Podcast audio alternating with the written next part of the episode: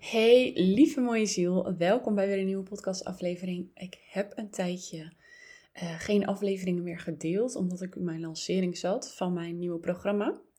Vorige week had ik een uh, gratis challenge rondom alles um, praktisch gezien wat betreft mannelijke en vrouwelijke energie. En uh, ik zeg wel leuk alles, maar het is gewoon echt een basis. Maar ik heb heel veel dingen kunnen geven omdat er zoveel mooie vragen kwamen.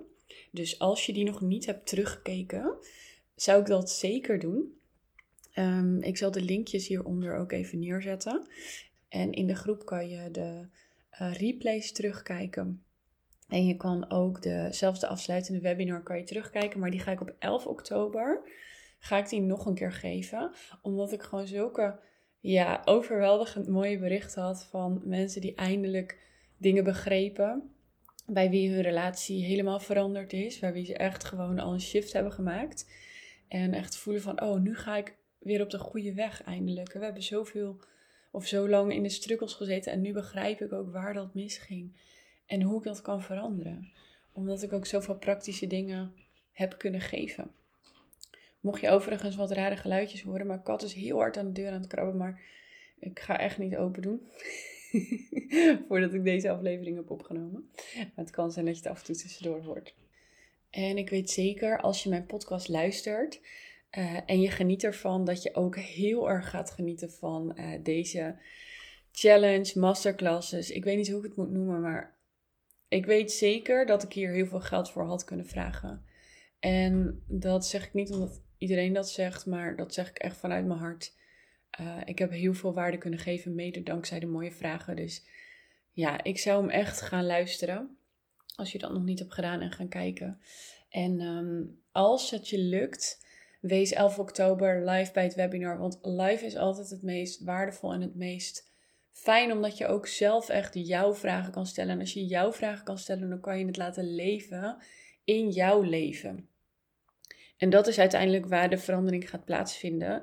En dat is ook Waarom, kijk, een podcast, et cetera, gaat je helpen met kleine dingen. Dat gaat hij van vandaag ook weer doen als, je, als het onderwerp bij je aansluit. Maar het gaat pas leven als jij direct jouw vraag kan stellen en het kan toepassen in jouw leven. En dat kan je doen op het moment dat je live aanwezig bent. Dus ik wil je uitnodigen om er 11 eh, oktober bij te zijn. De link zal ik ook weer even hieronder delen. Dus die vind je hieronder zo meteen. En vanuit hier ga ik verder naar het onderwerp voor deze podcastaflevering. Namelijk als iemand zich terugtrekt of afstand neemt na een tijdje daten. Heel veel van mijn klanten, mm, ik, denk de helft, want als ik even kijk naar, ik help natuurlijk single vrouwen en vrouwen in de relatie. Ik denk ongeveer de helft. Eh, meestal is half-half. In mijn programma is het vaak toevallig ook half-half. Loopt dus precies tegen dit punt aan. Het is hartstikke leuk een tijdje, je bent aan het daten.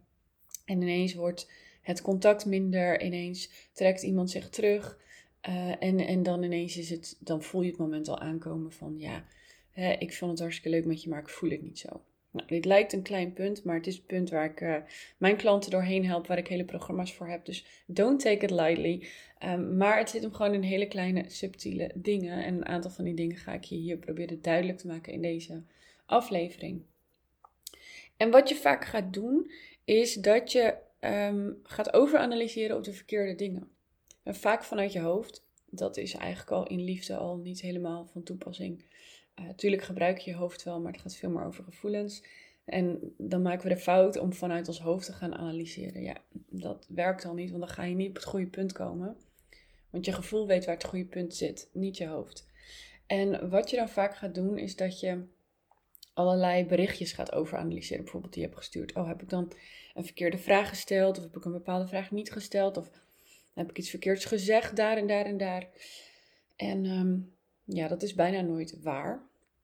Althans niet op de plek waar je het analyseert. Want meestal ga je het analyseren in de, de laatste berichtjes voordat hij uh, minder contact opnam. En daar zit het hem nooit in.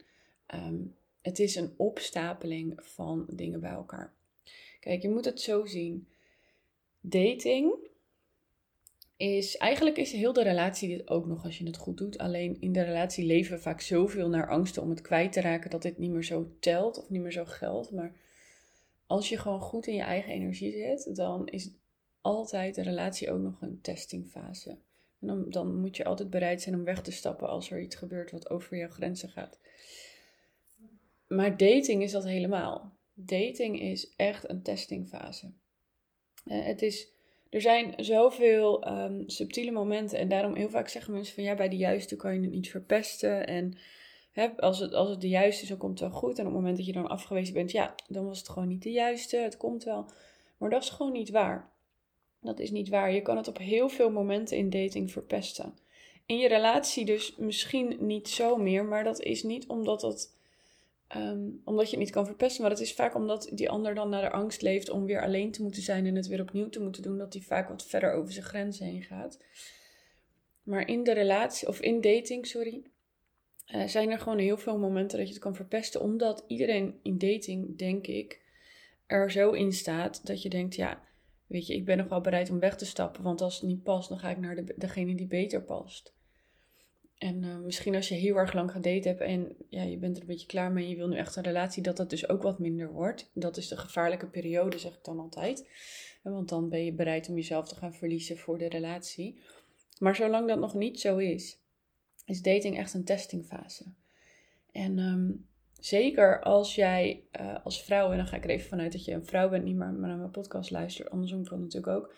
Maar als jij een vrouw bent die een krachtige mannelijke man naast zich wil hebben, dan wil je ook dat die man jou test. Je wil niet dat je met een man aan het daten bent die gewoon met de eerste de beste meegaat. Je wil dat die man jou test.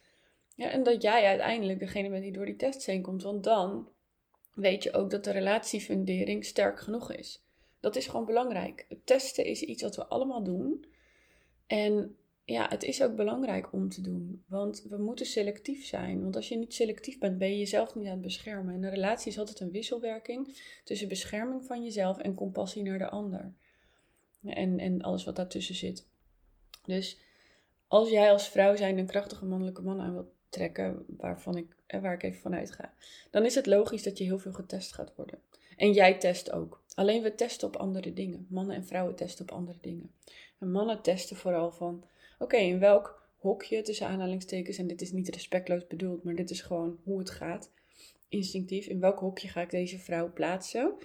wordt zij een vrouw die, uh, die gewoon wel prima is als ik even tijd over heb, maar eerst komt de rest van mijn leven en dan zie ik het wel, of een Friends with Benefits of waar dan ook.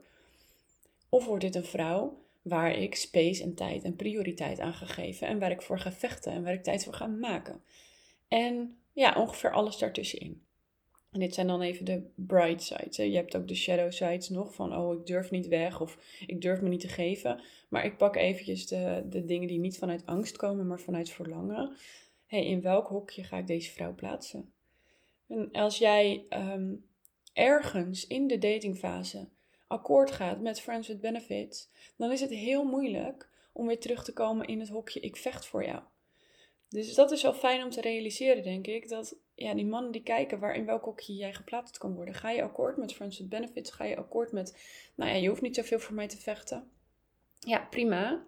Uh, want dat is niet aan mij, dat is niet aan de man. En dan kan je wijzen naar die man van ja, die wil alleen maar seks of die wil alleen maar dat. En ik ga er al vanuit dat de meeste van mijn luisteraars dat niet doen, maar dat gebeurt wel eens. En dan, dan moet je bij jezelf nagaan, hé, hey, in welk hokje heb ik mij laten plaatsen als vrouw? En die is dan ook belangrijk. Het is altijd een wisselwerking van twee mensen bij elkaar. Het is nooit één van de twee. En als vrouw is het dus heel belangrijk om goed bij je eigen gevoelens, eigen verlangens en eigen grenzen te blijven wat dat betreft. Zonder dat je per se defensief daarover hoeft te zijn. Hè? Altijd vanuit compassie ook naar de ander. Maar ook dat is een weg waar je naartoe groeit. Um, en wij vrouwen testen ook. In principe, als je als vrouw lekker in je eigen krachtige vrouwelijke energie zit, dan test jij een man ehm, of het bij hem mogelijk is om bij jouw eigen gevoelens te blijven. Of het bij hem mogelijk is om je kwetsbaar en open op te stellen. Dat is eigenlijk waar je het meeste op test. Je test op veel meer dingen, maar en mannen ook. Maar dit is in general waar je als vrouw op wilt testen. Kan ik me bij jou veilig openstellen? Worden mijn gevoelens gehoord en gerespecteerd? Uh, voel ik me veilig bij jou? Voel ik me beschermd door jou? Dat soort dingen. En als je dat al begrijpt, van dit, dit zijn dus de dingen waarop getest wordt in dating. En dat is een continu proces. Het is niet zo dat het alleen op de eerste date gebeurt. Het gebeurt in alles. Vanaf het moment dat je En dan pak ik even de dating app vanaf dat je, dat je een chat opent. Uh, tot aan dat je eigenlijk ver in de relatie zit en misschien wel tot, tot, tot altijd. Maar op een gegeven moment, hè, dan heb je dat vertrouwen gecreëerd. Dus dit zal uiteraard minder worden op het moment dat het vertrouwen groter wordt. In de datingfase begint dat dus al, zodra je een chat opent, begint die test eigenlijk al. En um, ja, sommigen worden daar nerveus van en dan gaan ze in de shadow van, oh shit, ik word getest. Maar je kunt eigenlijk het beste als iets goed zien. Maar ja, we kijken gewoon of onze fundering voor een relatie gecreëerd kan worden samen. En dan kom ik even terug op het stuk als die dan afstand neemt. Als hij dan afstand neemt, waar komt dat dan door? Dat komt echt niet door dat ene berichtje wat je hebt gestuurd. Maar dat komt al, het loopt op. Het loopt op. Het zijn meerdere dingen altijd na elkaar. En um, ik kan daar niet een general antwoord op geven welke dingen dat zijn. Want daarvoor, dat, dat doe ik met mijn klanten en dan ken ik ze ook. En dan kan ik voelen, oh ja, dit zie ik jou hier doen. Dus dan is de kans groot dat je dat in een date ook hebt gedaan. Is dat zo, weet je wel? Dus dat, dat soort dingen bekijk ik dan met mijn klanten. Of ze delen berichtjes met me en dan zie ik het al in die berichtjes. Heel vaak zie ik het ook wel aan de manier waarop ze tegen mij spreken. Of waarop ze um, in het contact zijn met die persoon, wat ze dan vertellen en delen. Ik voel dat vaak wel aan per persoon. Als ik je een klein beetje ken. Dus in zo'n podcast aflevering vind ik dat altijd moeilijk. Maar er zijn wel een aantal dingen die ik je kan meegeven. Wat ik net zei, waar een vrouw op uh, test, zijn ook meteen de hele belangrijke dingen waar het vaak op misgaat. Als jij als vrouw je niet kwetsbaar opstelt en niet uh, je gevoelens deelt, of niet diep genoeg of niet eerlijk genoeg. En dat voelt een man. Een, man voelt het als jij niet eerlijk bent over jouw gevoelens, over wat je echt voelt in het moment. Um, dan komt er ook vaak afstand. Dat is één. Uh, als jij als vrouw niet goed je grenzen aangeeft. Of je geeft ze heel defensief aan, of je geeft ze niet aan en je laat er overheen gaan. En het is niet zo streng dat, tenminste, ja, het kan, sommige mannen misschien wel, maar meestal gaat het nou niet zo dat iemand een teller bij zich heeft. Oh, ze is drie keer over de grens gegaan en nu is het klaar. Dat is gevoelsmatig. Um, het gaat echt heel erg gevoelsmatig. Een man voelt aan, hey, kan ik de grenzen van deze vrouw genoeg vertrouwen? En dit gaat heel onbewust ook. En als iets onbewust gaat, dan is het niet zo dat er een tellertje aan vastzit of wat dan ook.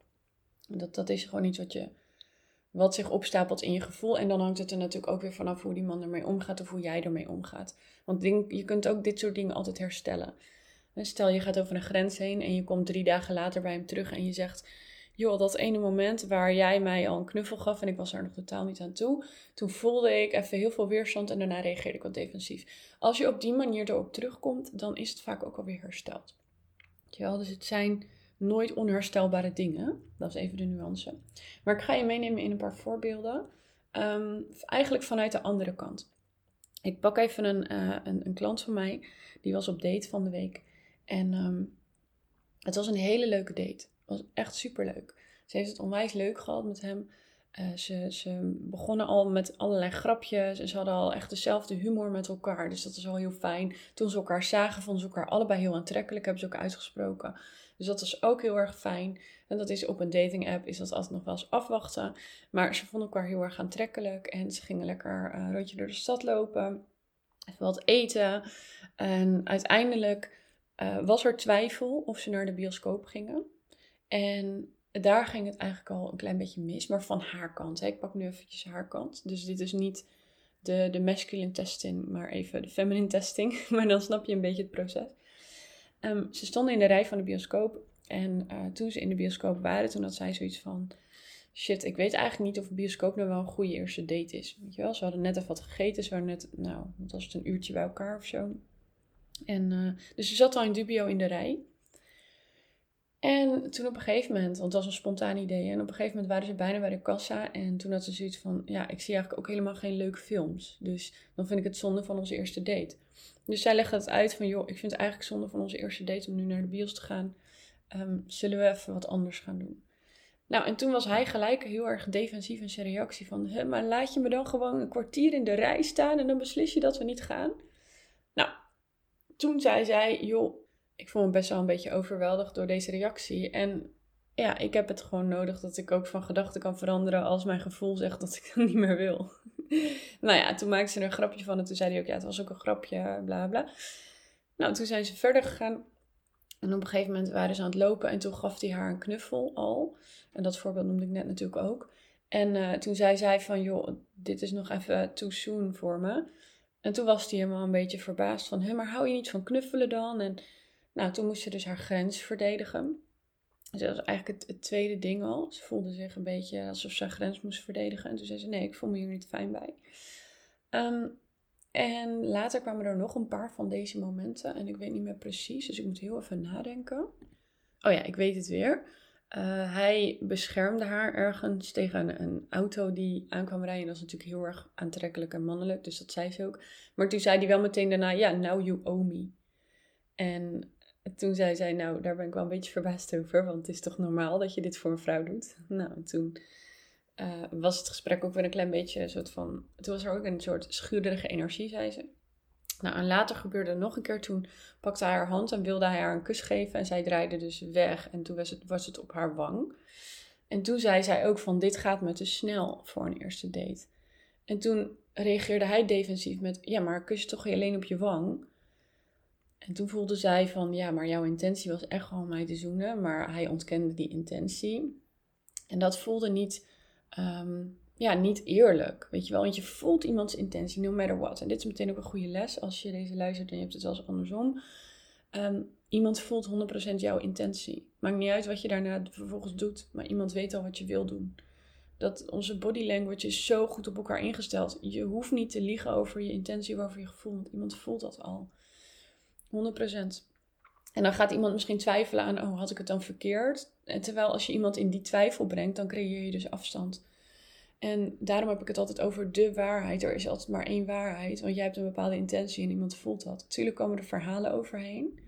Maar als jij vervolgens gaat liegen over die intentie, is het eigenlijk een vorm van gaslighting. Het is wel heel erg miniem, maar dat is het wel. En dan ga je iemand van zijn eigen ehm, waarheid afbrengen en in de war brengen in feite. Terwijl jij eigenlijk dan een soort van liegt over de waarheid. En dat gebeurde hier dus ook. Zij voelde heel duidelijk, nee, jij wilde mij zoenen, maar omdat ik wegdraaide, deed je het niet. En dan kan je zeggen, ja, maar ik zoende je toch niet? Nee, maar het was wel voelbaar. En op dat moment gaat het vertrouwen dus al een kleine stapje steeds een beetje mis. En ehm, dit is wat er heel vaak gebeurt in dating. En hij is natuurlijk gewoon een soort van bang om afgewezen te worden of bang om betrapt te worden in dit geval, of, of wat dan, dan ook is. Hij durft niet te zeggen van, oh ja, sorry, dat was inderdaad mijn intentie en ik wil je grenzen respecteren. En sterker nog, ze raakte daarna in een soort van kleine discussie, omdat zij zei van, ik voel me niet meer veilig. En toen begon hij een soort van weer defensief te doen, van... Ja, maar hou je dan gewoon niet van knuffelen? Ben je gewoon niet zo handtastelijk of zo? Maar ik ben dat wel en ik ben gewoon zo. En dat betekent helemaal niks. En je moet niet zo gevoelig doen.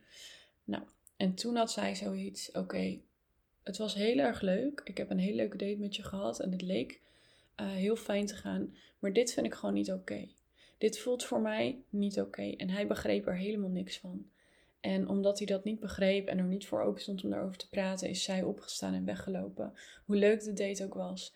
En dit is zo krachtig. Want zij had zoiets, nee, ik voel dit en ik blijf gewoon bij mijn eigen gevoel. En dat hoef ik niet defensief te doen, hè, want sommige mensen doen dit dan vanuit een defensieve energie. En dat hoeft niet. Uh, zij voelde gewoon heel sterk, nee, dit is mijn gevoel. En ja, ik vind het zo, zeker op een eerste date heel erg belangrijk dat je al een beetje gaat voelen waar staan wij en in hoeverre kunnen wij praten over mijn gevoelens. En ja, grapjes maken is altijd goed. Uh, en hartstikke leuk en die zijn altijd welkom. Maar op het moment dat iemand heel erg kwetsbaar is, zoals wat zij nu was, dus zij is heel kwetsbaar, want ze geeft dan een grens aan in intimiteit, dat is iets kwetsbaars, dan moet dat gewoon gerespecteerd worden. En dat kan één keer misgaan en het kan ook zijn dat het drie keer misgaat, maar als je dan vervolgens ook niet erover kan praten, of op het moment dat je erover praat, dat iemand dan alsnog zegt: Ja, maar ik ben gewoon zo en jij bent dan degene die raar is, of jij, jij ziet het verkeerd, ja, dan wordt je gevoel niet gerespecteerd en niet gehoord. En um, dat zijn zulke subtiele dingen. En dan zou je zeggen, ja, maar volgens het plaatje klopt het helemaal. Ze hebben het leuk samen. Hè? Hij beschermt haar continu. Uh, hij regelt leuke dingen. Um, want hij had echt wel leuke dingen geregeld. En uh, hij schuift haar stoel aan. En hij, zegt, hij geeft complimenten aan haar. Dan zou je zeggen, dan klopt het allemaal. Maar zij zit zo goed nu in haar gevoel. Dat dit soort subtiele dingen maken of breken het gewoon. En dat krijg je als je kracht, als je steeds sterker in je eigen gevoel komt en je wil een krachtige mannelijke man aantrekken, dan kan het op dit soort dingen ook al breken.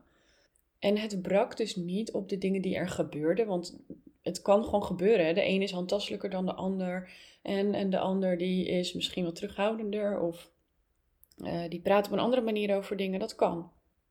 Maar het ging echt om het feit dat zij niet haar gevoelens kon delen en dat dat niet gehoord werd, meerdere keren.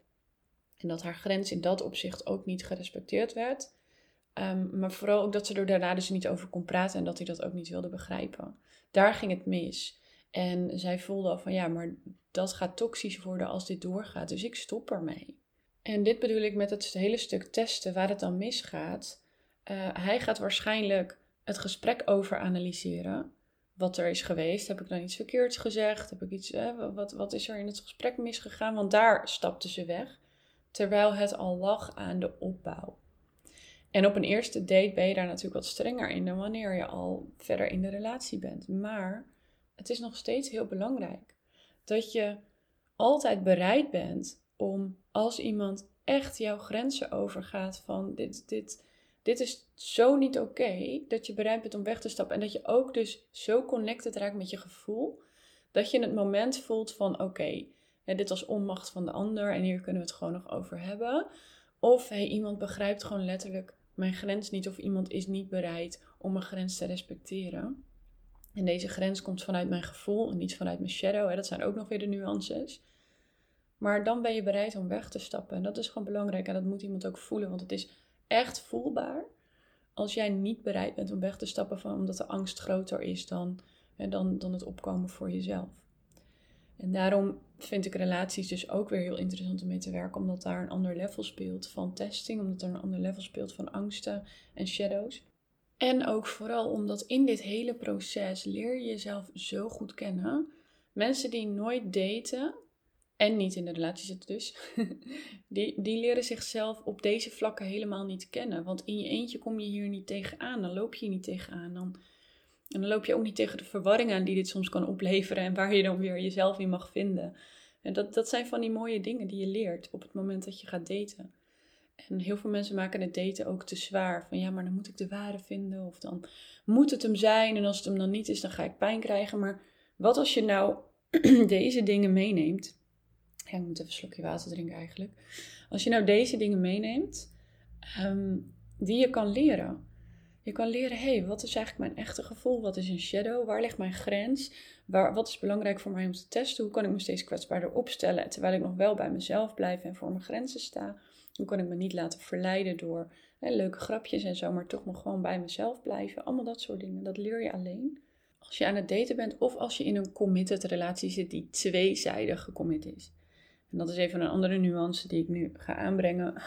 Want uh, ik spreek best vaak vrouwen die eigenlijk al met één of misschien zelfs twee benen uit de relatie zijn gestapt, omdat ja, hij blijft toch wel. En daar leer je deze dingen dus ook niet. Als je niet vol gecommit bent in je relatie, maar als je er al een beetje uitgestapt bent, ja, dan groei je hier ook niet meer in. Want dan is het, vraagt niemand dit meer van je. Tenzij je in een nieuwe relatie bent gestapt, waar je dan ineens toch wel je shadow zo tegenkomt, want zo gaat het vaak ook.